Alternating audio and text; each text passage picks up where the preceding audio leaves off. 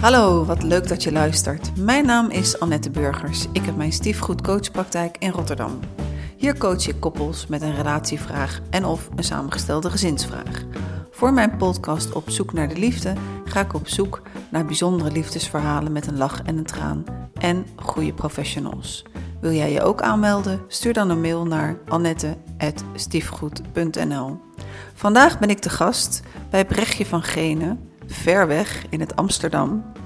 En Brechtje is scheidingsbegeleider en vooral gericht op verandering, verlies en versterking. En ook het scheiden op de werkvloer. Nou, welkom Brechtje in je eigen praktijk. Ja, dankjewel Annette. Jij ook welkom. Dank je. Uh, ik begin altijd met dezelfde vraag en dat is, uh, wat is je relatiesituatie?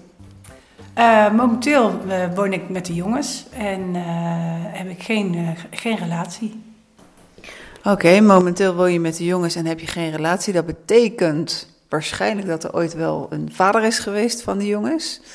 Ehm, hoe lang geleden was dat dat je, dat je de vader van de jongens ontmoette? Oh, dat is heel lang geleden. Dan voel ik me gelijk ook best wel oud. um, dat was in 1996. Uh, hebben wij elkaar ontmoet. En uh, voordat wij kinderen kregen, waren wij alweer uh, tien jaar bij elkaar, denk ik. Uit mijn hoofd zo'n beetje. Ja, ja. Dus na tien jaar kwamen de kinderen. En hoe lang zijn jullie dan nog samen geweest voordat jullie weer uit elkaar gingen? Uh, Zo'n vijf jaar zijn we nog samen geweest. Uh, ja, in die tijd zijn er dus twee kinderen geboren. En uh, dat is nu alweer tien jaar geleden zijn wij gescheiden. Het waren de kinderen nog best wel klein. Uh, ik weet niet, als ik een vraag stel waar je geen antwoord op moet geven, dan moet je dat gewoon niet doen. Dan zeg ik pas en dan gaan we door. Ehm, kan je je nog herinneren van waar eigenlijk een kantelmoment kwam in jullie relatie, waarvan daarna dat je eigenlijk richting de glijdende schaal ging? Goh, dat is een goede vraag. Uh, ik denk dat er een, toch wel het kantelpunt was dat uh, op het moment dat we uh, één kind hadden, een, zoon, dat praat wat makkelijker, uh, dat daar toch wat verandering, ver, andere verwachtingen waren. Um, en dat, ja, daar zijn we eigenlijk mee blijven leven, zonder dat we daar heel bewust van, van waren. En uh, dat, ging, dat gaat goed tot het moment dat, uh, nou ja, dat het alleen maar drukker wordt. En uh, er nog een tweede kind, nog een tweede zoon kwam. En ja, dan, de, toen waren er eigenlijk gewoon zoveel spanningen ontstaan dat, ja, dat, dat het niet langer meer ging. Mm. En ehm, met de kennis van nu mm. en de wetenschap, wat zou je dan eigenlijk achteraf gezien anders gedaan hebben? Hmm, nou, ik denk dat het al zou begonnen zijn met uh, voor überhaupt het huwelijk intreden. Um, met echt goed om tafel van wat verwachten we nou? Wat, hoe zien we het huwelijk en hoe zien we onze relatie? En waar willen we naartoe? En wat zijn dan de overeenkomsten en wat zijn de verschillen? En hoe kun je elkaar daar dan in blijven steunen? En uh, hoe kan je daarin elkaar de ruimte geven? Daar eigenlijk veel bewuster bij stilstaan voordat je uh, nou, in het huwelijksbootje stapt of gaat samenwonen, welke vorm je ook maar kiest. En dat op het moment dat er dan uh, kinderen komen, of dat je een kinderwens hebt, want dat gebeurt ook niet zomaar, dat je dat eigenlijk nog een keer doet. Uh, dus ik denk dat ik uh, veel bewuster daarin zou stappen en bij stil zou staan. Wat betekent het nou als we deze keuze willen maken? Ja, het, is uh, een onderdeel bij, uh, bij stiefgoed in ieder geval. Dat als er koppels komen en als je dus te maken hebt met samengestelde gezinssituaties, dat mensen dan al ervaring hebben van hoe ze hun eigen kind opvoeden. En dan vinden ze er ook vaak wel wat van hoe de ander zijn kind of haar kind opvoedt. En dan hebben we het ook over de waarden. Ja. vanuit welke visie wil je kinderen opvoeden en welke waarden? En dan ook inderdaad wat je zegt van ja, wat is de definitie van het huwelijk voor jou?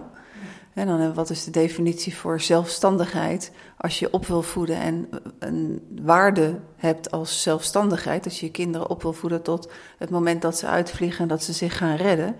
Ja, hoe begeleid je een kind dan naar die zelfstandigheid toe? En daar willen de meningen wel eens uh, over verschillen. Ik dacht zelf vroeger altijd van, toen mijn kinderen naar de, naar de crash gingen, van hoe kan het nou eigenlijk dat, dat.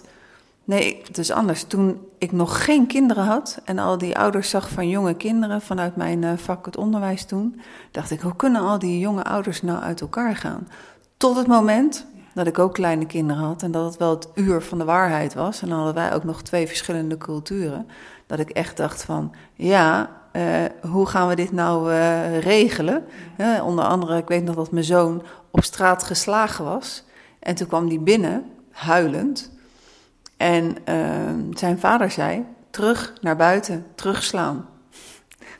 Zorg dat hij het nooit meer doet. Ga nu naar beneden. En dan was ik met mijn brave juffen ethiek. Nee, we gaan hem toch niet naar, buiten sturen om te laten slaan. Maar dat was wel het moment dat ik echt ook wel besefte van... ja, opvoeden vanuit twee culturen en opvoeden überhaupt vanuit twee uh, personen... is echt wel uh, heel lastig. Dus, uh, dus dat begrijp ik wel. En ehm, dus toen gingen jullie uit elkaar. En hoe heb je dat dan gedaan met de kinderen? Um Qua, op, of qua zorg bedoel je? Of ja. Qua, ja, nou ze waren nog heel klein, wat je zei, 1 en 4. Um, en eigenlijk veranderde voor ons alles, want we moesten allebei een ander huis vinden, uh, waar ook dus andere school, andere opvang, alles hing daaraan vast. Dus dat was uh, nou vrij pittig, vrij, dat was gewoon heel pittig. Vooral omdat je zelf met je emoties zit. En uh, ik denk dat het eerste jaar dat zij het daar ook wel heel moeilijk mee hebben gehad ook al heel onbewust, was, hè, vooral onbewust. Omdat ik vrij vast zat in mijn eigen emoties. En je bent zo, ik was zo aan het overleven eigenlijk. Ook om alles geregeld te krijgen.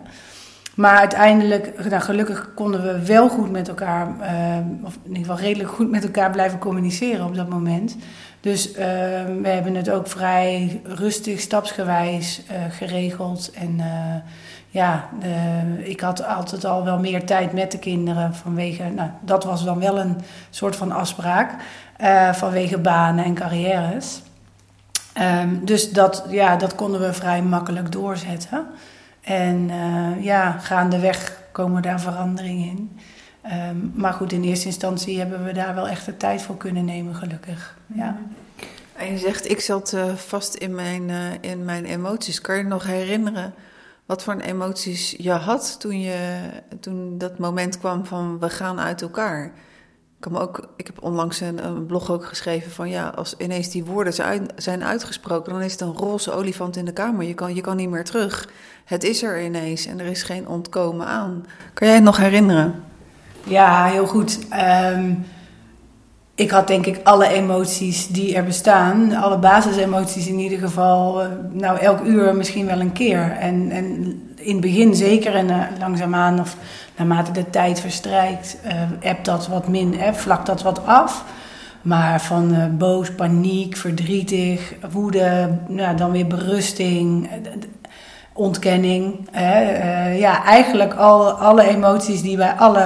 Nou ja, ik werk veel met rouw, hè? daar hebben we het net ook over gehad.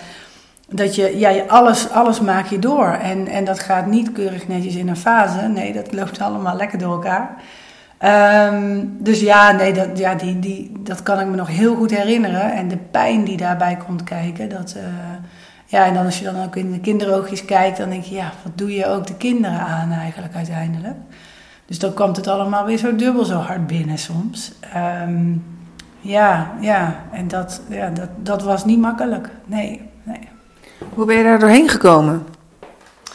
Nou, mijn kinderen nu hebben uh, een soort van gezegde. We kunnen er, en het is van tv, ik weet niet welke, maar we kunnen er niet overheen, we kunnen er niet omheen, we kunnen er niet onderdoor, we kunnen er alleen maar doorheen. Nou ja, en dat is wel zoals ik ook wel in het leven sta. Je, ik, ik wil er dwars doorheen, ook al doet het echt zo'n pijn. Maar dat was voor mij, ja, toch iets. Ik, ik dacht daar niet over na, maar het was iets wat in me zat. Dat ik dacht, ik wil er doorheen, want dan kan ik ook weer verder. En um, ja, dan ga je wel even door een helse pijn.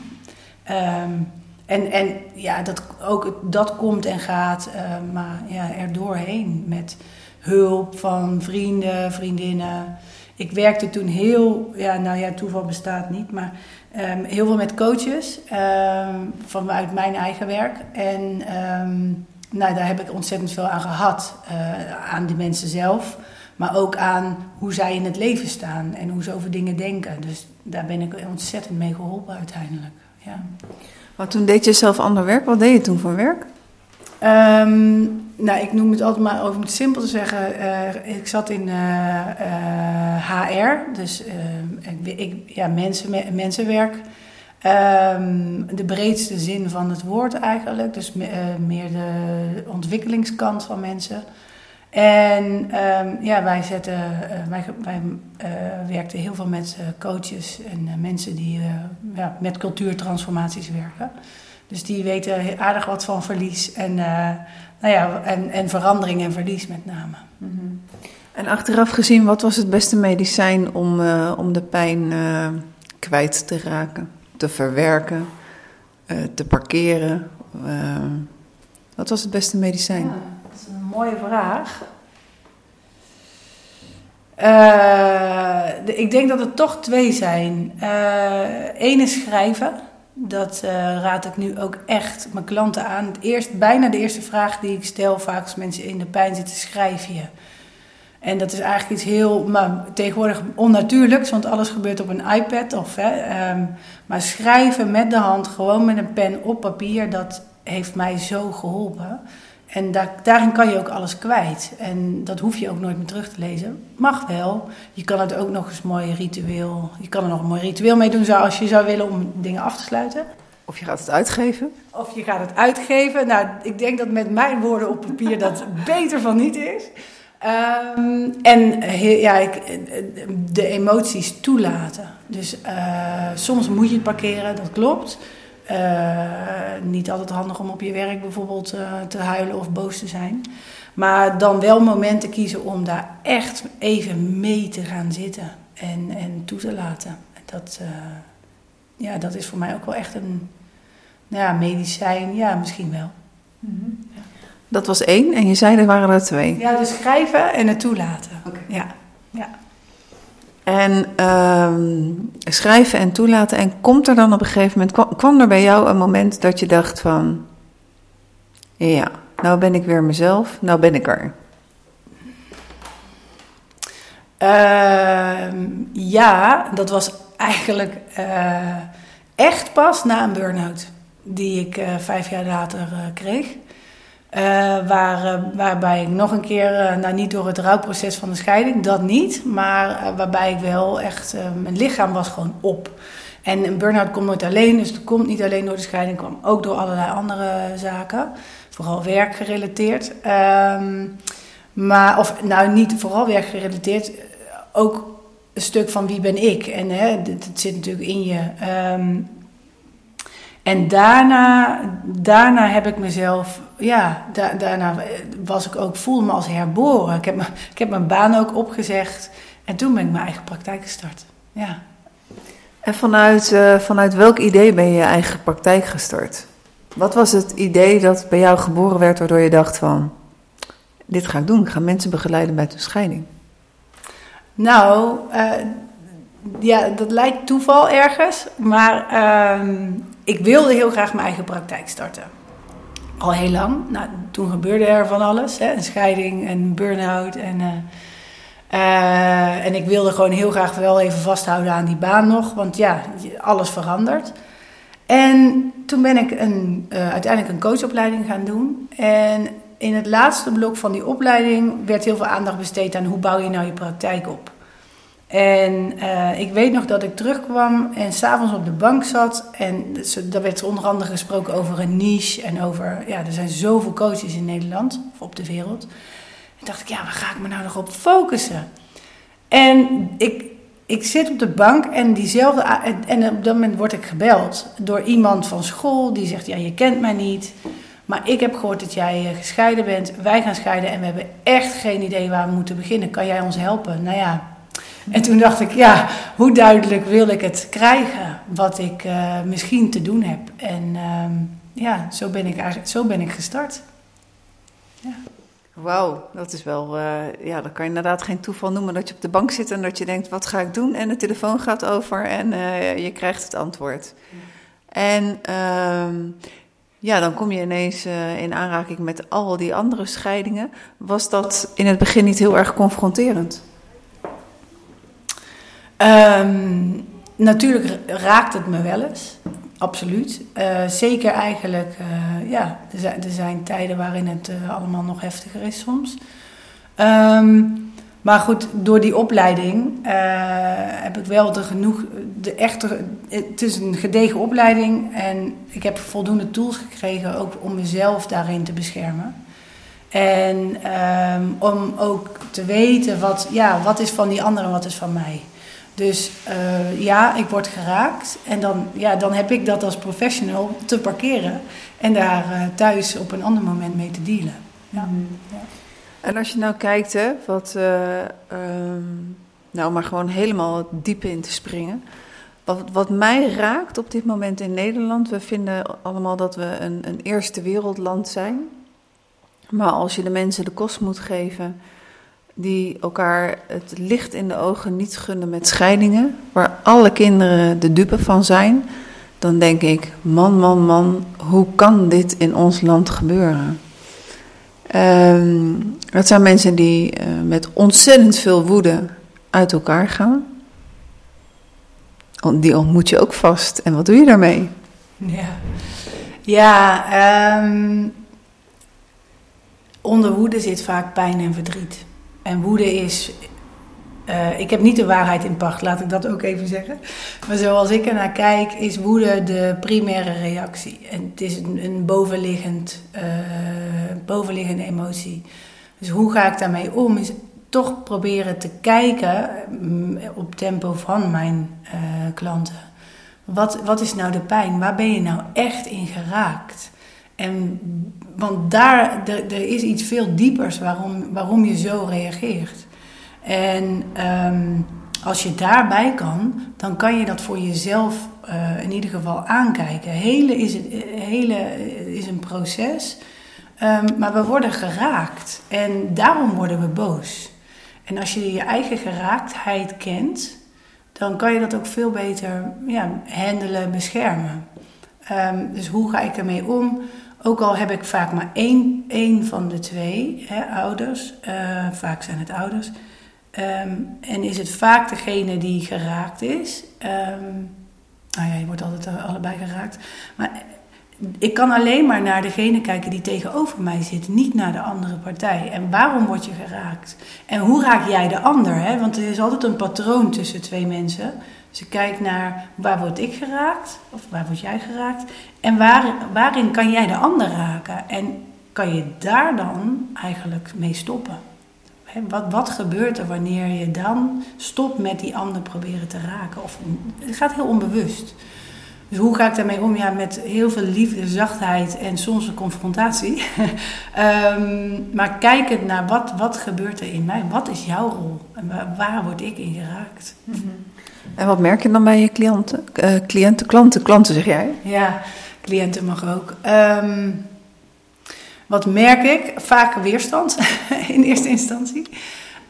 Um, maar ook heel erg veel verzachting. En het, het zien, en dat, ook dat is mijn eigen ervaring.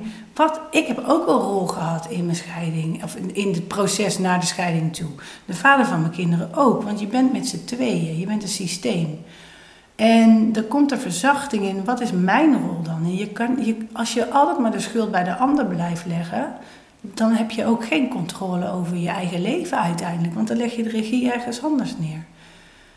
Um, dus hoe, ja, natuurlijk is dat moeilijk als je dat gewend bent. En ik zeg niet dat iedereen dat altijd doet, maar ik zie het wel vaak. Dan ben je de controle kwijt. Maar in eerste instantie is het wel fijn, want dan hoef je geen schuld te, te hebben hè, of te dragen.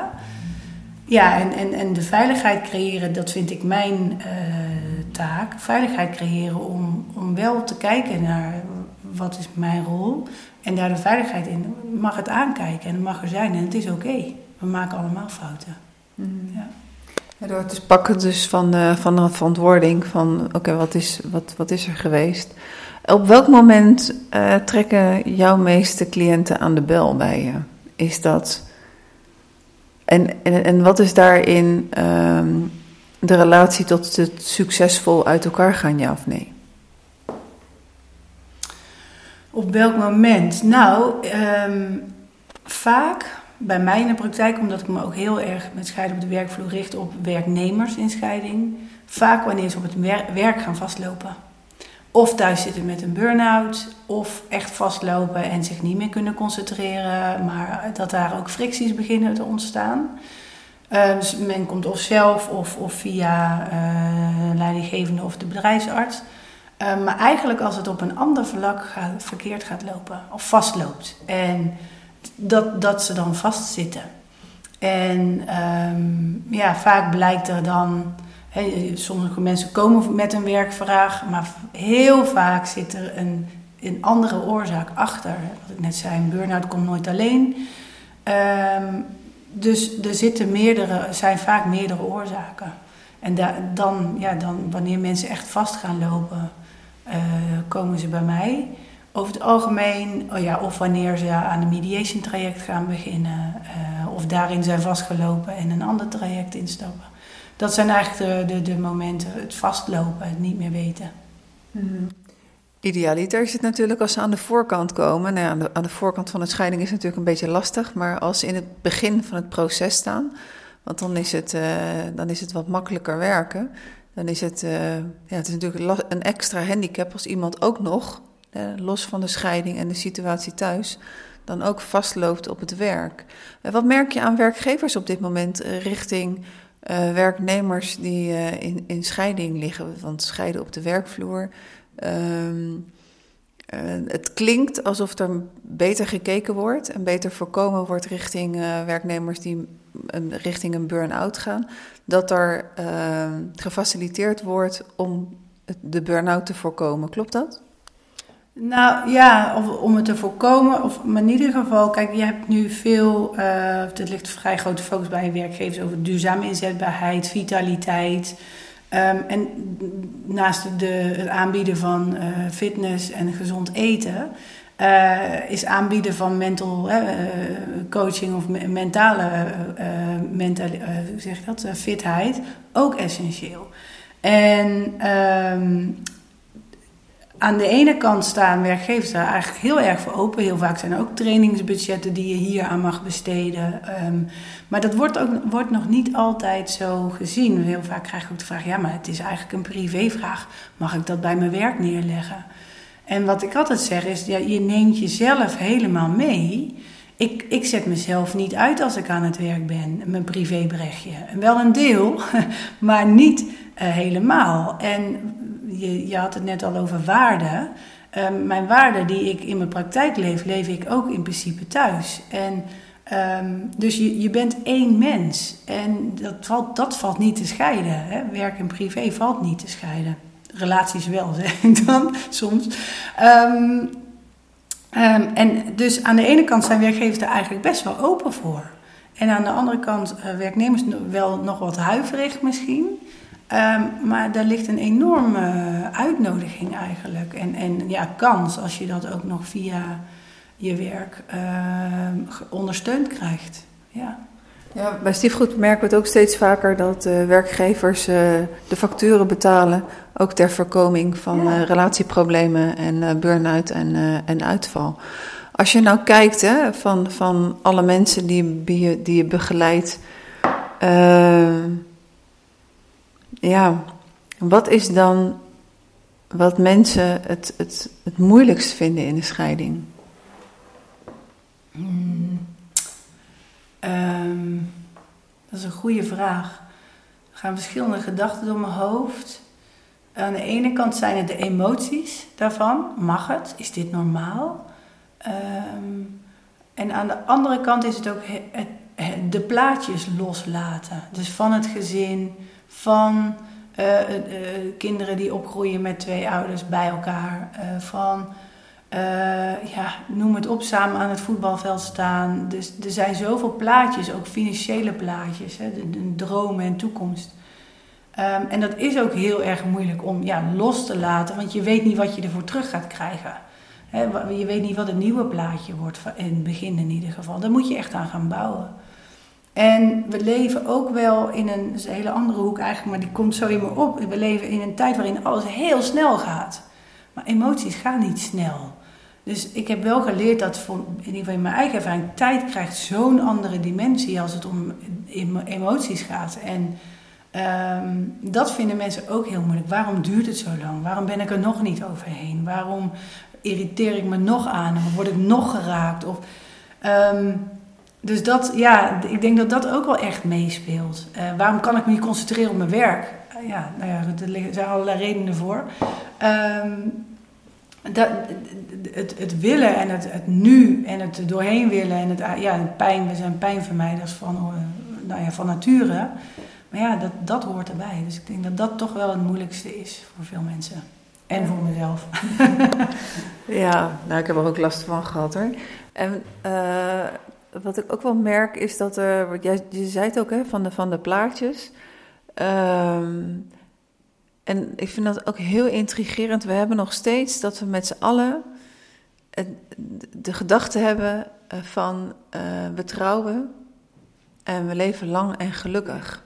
Terwijl de realiteit, eigenlijk in mijn ogen, uh, zeker voor mij, mijn, mijn ouders gingen scheiden toen ik vier was. En ik ben ergens vrij jong getrouwd en, en gescheiden en toen weduwe geworden en daarna een aantal relaties gehad.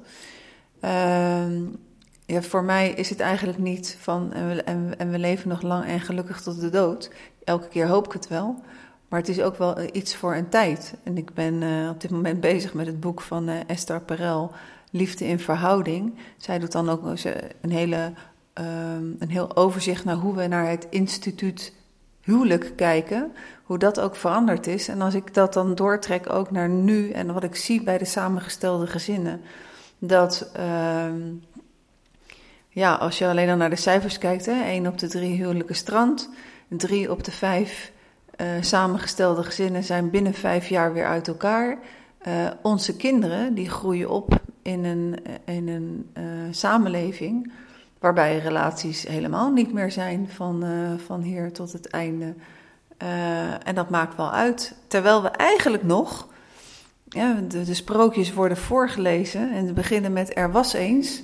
En ze leefden nog lang en gelukkig. En dat staat heel haaks tegenover elkaar. Wat vind jij daarvan? Ja, dat, ben ik met je eens. Um, en ik denk dat als we daar uh, ook maar iets in willen betekenen voor de toekomstige generaties. Uh, en dan spreek ik eigenlijk wel ergens een droom voor mezelf uit. Is dat we op hele jonge leeftijd al beginnen met uh, daar meer bewustzijn in te creëren. We hoeven het niet bij kleuters te hebben over wat is nou een relatie. Maar ik denk echt dat we meer in de, in de scholing ook mogen inbrengen. Wat is, hoe ga je nou met elkaar om? Wat is respect? Wat, hoe maak je ruzies goed? Hoe, want je mag best ruzie hebben. Je mag elkaar ook echt wel even niet leuk vinden. Maar je hoeft er niet meteen helemaal van weg te lopen. En hoe ga je daar nou mee om? En hoe blijf je daarin ook bij jezelf? Nou, er zijn wel best wel wat initiatieven. Ik denk dat we dat echt nog veel beter kunnen doen eigenlijk. En ook niet alleen op, in de scholing, maar ook als ouders. Uh, bij de kinderen toch meer bewustzijn creëren van hoe verhoud je je tot de ander eigenlijk. En dan kan je vriendje zijn, dan kan je je meester zijn, je ouders, uh, andere volwassenen, wie dan ook. Maar dat we daarin echt wel meer, meer te doen hebben. Um, want ja, wat je zegt, het, het is. Uh, ik moet lachen, want het, nieuwe normaal is natuurlijk. in een andere context wordt dat veel gebruikt. Maar het, het, lang leven, of het, huwelijk voor altijd. Ja, dat, is, dat was ooit heel normaal. Maar dat, dat is niet meer zo normaal. En ik vind het wel heel bijzonder. Als het wel lukt. En, maar dat zijn mensen die ook echt heel hard werken. En ik weet nog dat wij, tegen mij werd gezegd toen wij uit elkaar gingen: trouwen is een werkwoord. En getrouwd zijn, hij zei, daar moet je aan blijven werken. Het, het, is niet je bent getrouwd klaar. Nee, trouwen is, het is een werkwoord. Dus daar moet je gewoon heel hard aan werken. Mm -hmm. ja.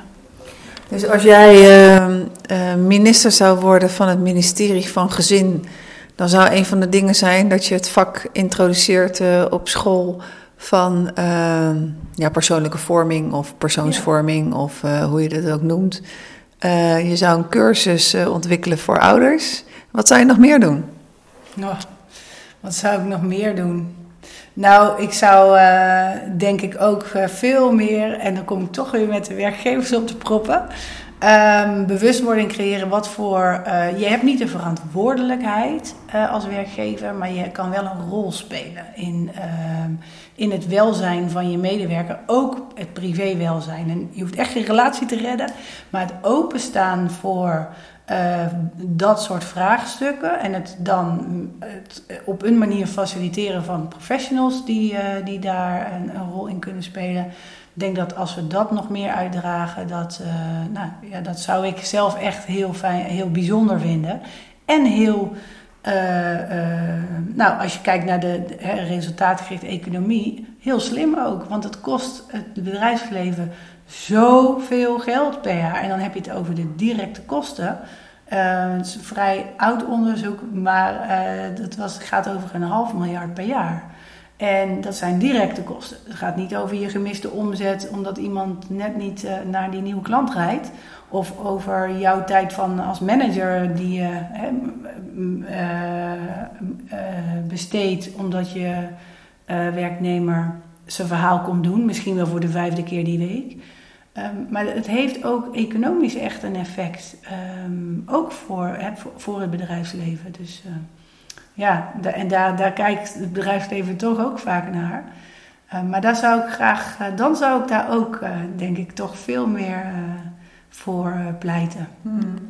Is net wat je al eerder zei in het gesprek: van het is, er wordt natuurlijk best wel geïnvesteerd, gelukkig, in, in, in, in de fysieke conditie. Dat er uh, sportschoolabonnementen worden geregeld en uh, zelfs uh, massages tussendoor en sportfacilit andere sportfaciliteiten. Maar die mentale gezondheid, die mentale conditie is natuurlijk heel erg belangrijk. Als iedereen goed in zijn vel zit, ja, daar, daar hoef je geen psycholoog voor te zijn. Dat je dan kan begrijpen dat iemand beter en, en beter functioneert op de werkvloer en harder werkt. Mm. Is er nog iets waarvan je zegt van nou dit kom ik nog wel tegen bij eigenlijk bij iedereen die dat scheidingsproces doorgaat, wat echt een lastig dingetje is, maar wat wel valt te leren in het proces? Dus je zei net al van die emoties hè, die lastig zijn en die plaatjes. Is er nog iets wat je wel bij iedereen tegenkomt? Ja, ja um, en ik merk dat ik, waar ik het eerst aan moet denken, is dat ik wat ik altijd tegenkom en wat ik in elk uh, coachingtraject uh, ja, behandel, wil ik zeggen, maar dat is niet het juiste woord. Wat in ieder geval naar boven komt, is. Um, je kunt zo vastzitten in je emoties, maar ook in je gedachten. En, en die bepalen je gedrag. En. Uh, als je daarin vast blijft zitten, dan word je ze ook, dan ben je ze ook. Terwijl wat ik probeer uh, te bewerkstelligen, ook in de coaching, is dat je daar afstand van kan nemen en kan zeggen: Ik heb gedachten, ik heb gevoelens, maar ik ben ze niet. En daarmee krijg je namelijk ruimte om een keuze te maken: ga ik die gedachte achterna? Ga ik dat gevoel achterna? Blijf, of blijf ik erin zitten? Of kies ik ervoor om nu te zeggen: Oké. Deze gedachte, daar kan ik naar kijken van een afstand. Dan kan je ook beter bedenken, is het waar? Klopt het echt? En dan kan je je daar los van maken. Um, en dat is iets wat ik uh, ja, eigenlijk in elk coachtraject uh, in ieder geval wat naar boven komt. Om toch afstand te kunnen nemen van gedachten en gevoel. Want mensen willen hun gedrag veranderen, maar dat doe je niet zomaar. Dus dat, is, ja, dat kom ik het meeste tegen. Ja. ja. Nou, dankjewel. Uh, ik kan me ook voorstellen dat je dat ook zelf toepast. Ja, ik krijg ook wel eens te horen als ik zelf vastloop. Je bent toch coach? Je weet toch zo goed hoe het moet? En uh, dus dat stemmetje hoor ik. En ja, ik zit ook gewoon soms helemaal vast in mijn eigen patronen. Uh, ja, ik ben, ik ben maar een mens en ik heb niet de waarheid. Hè? En, en ook niet voor mijn klanten. ja, ik bied een ander perspectief. Maar als het andere perspectief niet werkt, dan, dan ga je zoeken. Dus ik heb niet één antwoord. En ik maak zoveel fouten zelf. En uh, ja, dan denk ik, ja, en nu moet ik op de pauzeknop drukken. Die gebruik ik vaak. Van, kijk nou eens naar wat er gebeurt. En, uh, en, en, en hè, is dit, werkt dit of niet? Ja, en dat is het leerproces van het leven. En als ik geen fouten meer maak, dan, dan ga ik denk ik tussen zes planken van deze aarde vandaan. Dan is het klaar. Maar ik hoop dat dat nog wel heel erg lang gaat duren. Ja, dat hoop ik ook. Maar ik herken hem, want ik sta nou wekelijks een aantal keer te vertellen over, uh, over de transactionele analyse en dat communicatiemodel. En dat een van de mooiste dingen is, en ook de moeilijkste dingen, dat je luistert om te begrijpen. En dat je niet luistert alleen maar om te wachten totdat de ander klaar is met praten. En uh, nou, dan gebruik ik ook altijd als voorbeeld. En het is ook gewoon echt waar, dat toen ik ruzie had met mijn partner hoorde ik hem op een gegeven moment heel zachtjes zeggen: Mag ik ook nog wat zeggen? En toen zei ik nee. en toen heb ik daar achteraf zo vreselijk moeten, moeten lachen dat ik denk: van nou ja. Uh, ik, uh, vanuit mijn emotie maak ik ook de, deze grote fout. Uh, ik herken hem wel en ik kwam achteraf lachen. Dus toen zei ik later tegen hem van... nu, nu ga ik even luisteren om je te begrijpen. Wat wilde je eigenlijk zeggen? Uh, maar dus dat herken ik. En uh, we zijn als je perfect wordt, dan, is het, uh, dan wordt het eng. Brechtje, is er nog een vraag die ik niet gesteld heb, waar je toch nog graag antwoord op wil geven? Um, ja, um, nou kijk, we, we hebben het gehad over waarom ik coaching ben gaan doen en waarom hoe toevallig het was dat het, nou ja, iemand mij belde. Maar um, wat ik nog graag zou willen toevoegen is dat uh, ik ben me met name op werknemersinscheiding gaan richten, omdat ik zelf zo vastliep in mijn werk. En ik had concentratieproblemen. Ik was eigenlijk met mijn hoofd uh, thuis bezig. Wat ik zei, we moesten een nieuw huis. Alles stond op zijn kop. Um, dus ik voelde ook ergens een enorme druk om op mijn werk ook te blijven presteren. Maar dat lukte me gewoon niet. En ik had uh, uh, een goede werkgever en ik kreeg alle ruimte. Zelfs zoveel dat ik eigenlijk gewoon vrij mocht zijn. Um, daar heb ik bewust niet voor gekozen. Omdat ik uh, de structuur van het werk wel heel fijn vond. En dat heeft me ook deels door, door de scheiding heen ge, geholpen.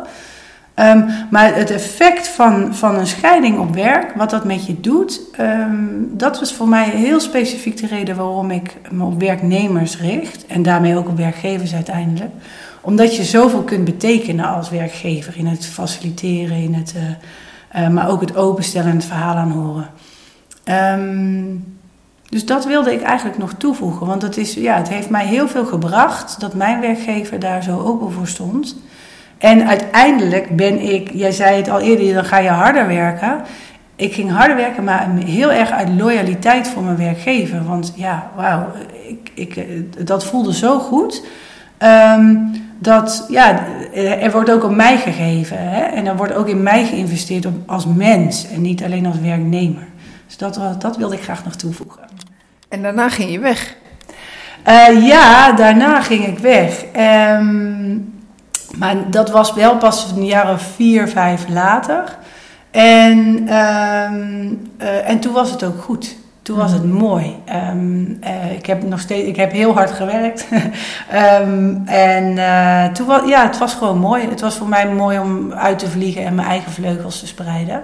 Dat is ook wat uiteindelijk, ja, het hele resultaat, of niet resultaat, maar dat is ook wel wat uit de scheiding is gekomen. Mijn eigen persoonlijke ontwikkeling uh, is veel harder, uh, sneller gegaan uh, daarna eigenlijk dan, dan ervoor of, er, of in het huwelijk. Mm -hmm. ja. Dankjewel nog even voor de toevoeging. Dankjewel. Nou, hartelijk bedankt voor je gastvrijheid en voor het leuke gesprek. En ja, voor de komende tijd heel veel succes en, en blijf gezond. Dank je. Dankjewel voor het luisteren. Heb je een vraag naar aanleiding van dit interview? Laat het me weten. Ik wil je uitnodigen om een review achter te laten.